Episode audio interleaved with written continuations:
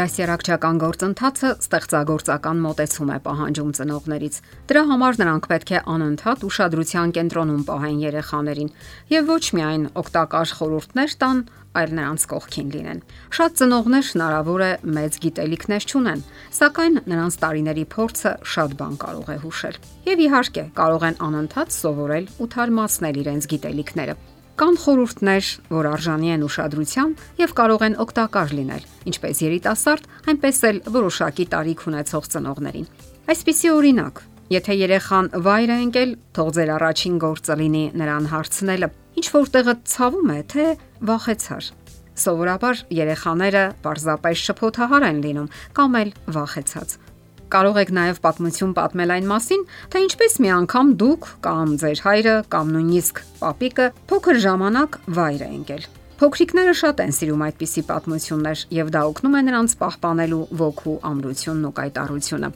Փոքրիկները սիրում են նկարել։ Դուք կարող եք նրանց օգնել այդ հարցում, նույնիսկ այն դեպքերում, երբ առանձնակի տաղանդներ չունեք այդ բնակավարում։ Պարզվաներ անկասկած կարող եք պատկերել Կարևորը նրանց կողքին լինելն է եւ նրանց սատարելը։ Սովորեք նկարել մի քանի པարս կենթանիներ, օրինակ գորգ, թռչուն կամ առարկաներ, ինքնաթիռ, տիկնիկ։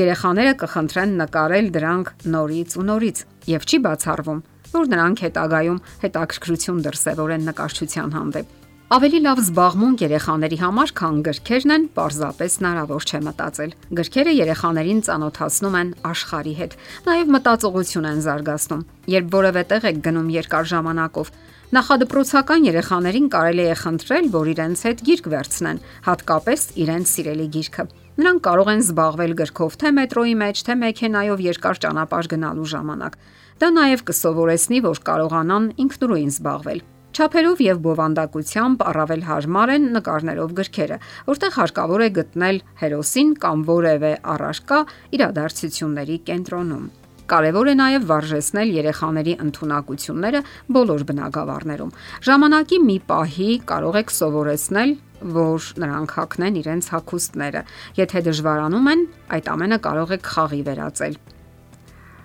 Կարող եք ստուգել այն ժամանակը, որի ընթացքում երեխան հագնում է շորերը կամ կոշիկների թելերն է կապում։ Որոշակի տարիքում նրանք կարող են ձեզ օգնել նաև տնային գործերում։ Հարկավոր է ողջևորել, խրախուսել, երբ հաջողությամբ հաղթահարում են դժվարին առաջադրանքները։ Դա կարող է լինել սենյակը հավաքելը, ինչ որ գործում ծնողներին օգնելը։ Կարևոր է, որ երեխան այդ ամենը անի հաճույքով եւ ինչքան հնարավոր է արագ։ Երեխաների համար կարող եք սահմանել հետաքրքիր եւ առանձնահատուկ օրեր։ Նրանք պետք է հաճույքով սպասեն այդ օրերին։ Ունեցեք առողջ փքաբլիթներ եւ կոնֆետներ այդ օրվա համար։ Փոխանակ ամեն օր մերժեք եւ ասեք քաղցրը վտանգավոր է, օգտակար չէ, քեզ չի կարելի եւ այլն։ Հիշեցրեք, որ մենք կոնֆետներ ենք ուտում չորեքշաբթի օրերը։ Նման օրինակ ծեսը ավելի առանձնահատուկ կդարձնի այդ օրը եւ երեխաները կարող են կանխավայելել այդ հաճելի օրը։ Դեռ ավելին, երեխաների մեջ կզարգանա այնպիսի օգտակար հատկություն, ինչպիսին է համբերությունը։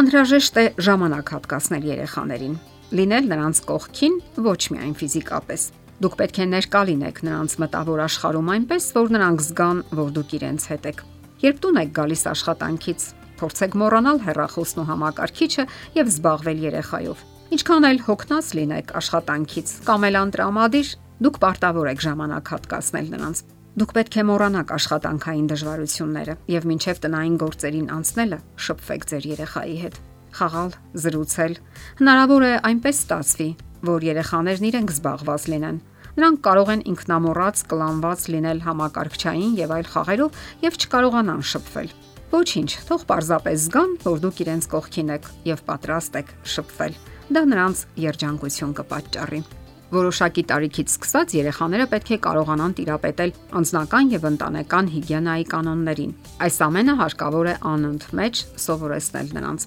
Անձնական հիգիենա է նաեւ ատամները լվալը, որը շատ երեխաներ այնքան էլ չեն սիրում, համարելով ոչ հաճելի զբաղմունք։ Առաջարկեք, որ լվալու ընթացքում նրանք որևէ ուրախ երգ երգեն։ Դա խաղի տպավորություն կստեղծի եւ նրանք չեն ձանձրանա։ Երեխաներին սովորեցրեք նաև հավաքել իրենց սենյակը կամ ոչ բարդ տնային առաջադրանքներ։ Ասենք աղբ թափելը։ Նաև parzեք, թե ինչ են սիրում նրանք անել եւ դա հանձնարարեք։ Սկսեք փոքրիկ առաջադրանքներից։ Ասենք դատարկել լվացքի մեքենայի լվացած շորերը եւ զույգերով դասավորել գուլպաները։ Ունեցեք նաև օրվա ժամանակացույց, թե որ ժամին երեխաները ինչով պետք է զբաղվեն եւ համբերատար նրանց ընտելացրեք դրան։ Հակառակ դեպքում նրանք անհանգստանում են եւ ամեն ինչ խառնում իրար։ Ամենառավոտ, համառոտ հարկավոր է նրանց ներկայացնել, թե ինչ գործեր եւ իրադարձություններ են սպասվում այդ օրը։ Եթե օրինակ այդ օրը մանկական հանդես կա, կարող եք ասել. այսօր դու պետք է հանդիպես քեզանից փոքր երեխաների, ուրախadir եղիր նրանց հանդեպ։ Նրանք քեզանից փոքրիկ են։ Եվ պարզապես մտածեք, թե ինչպես հետաքրքիր եւ բովանդակալից դարձնել երեխայի առօրյան։ Դա էլ կլինի ձեր մեծ օգնությունը երեխայի համար։ Եթերում է ընտանիք հաղորդաշարը։ Ձեզ հետ է Գեղեցիկ Մարտիրոսյանը։ Հարցերի եւ առաջարկությունների դեպքում զանգահարեք 099 08 20 93 հեռախոսահամարով։ Հետևեք մեզ hopmedia.am հասցեով։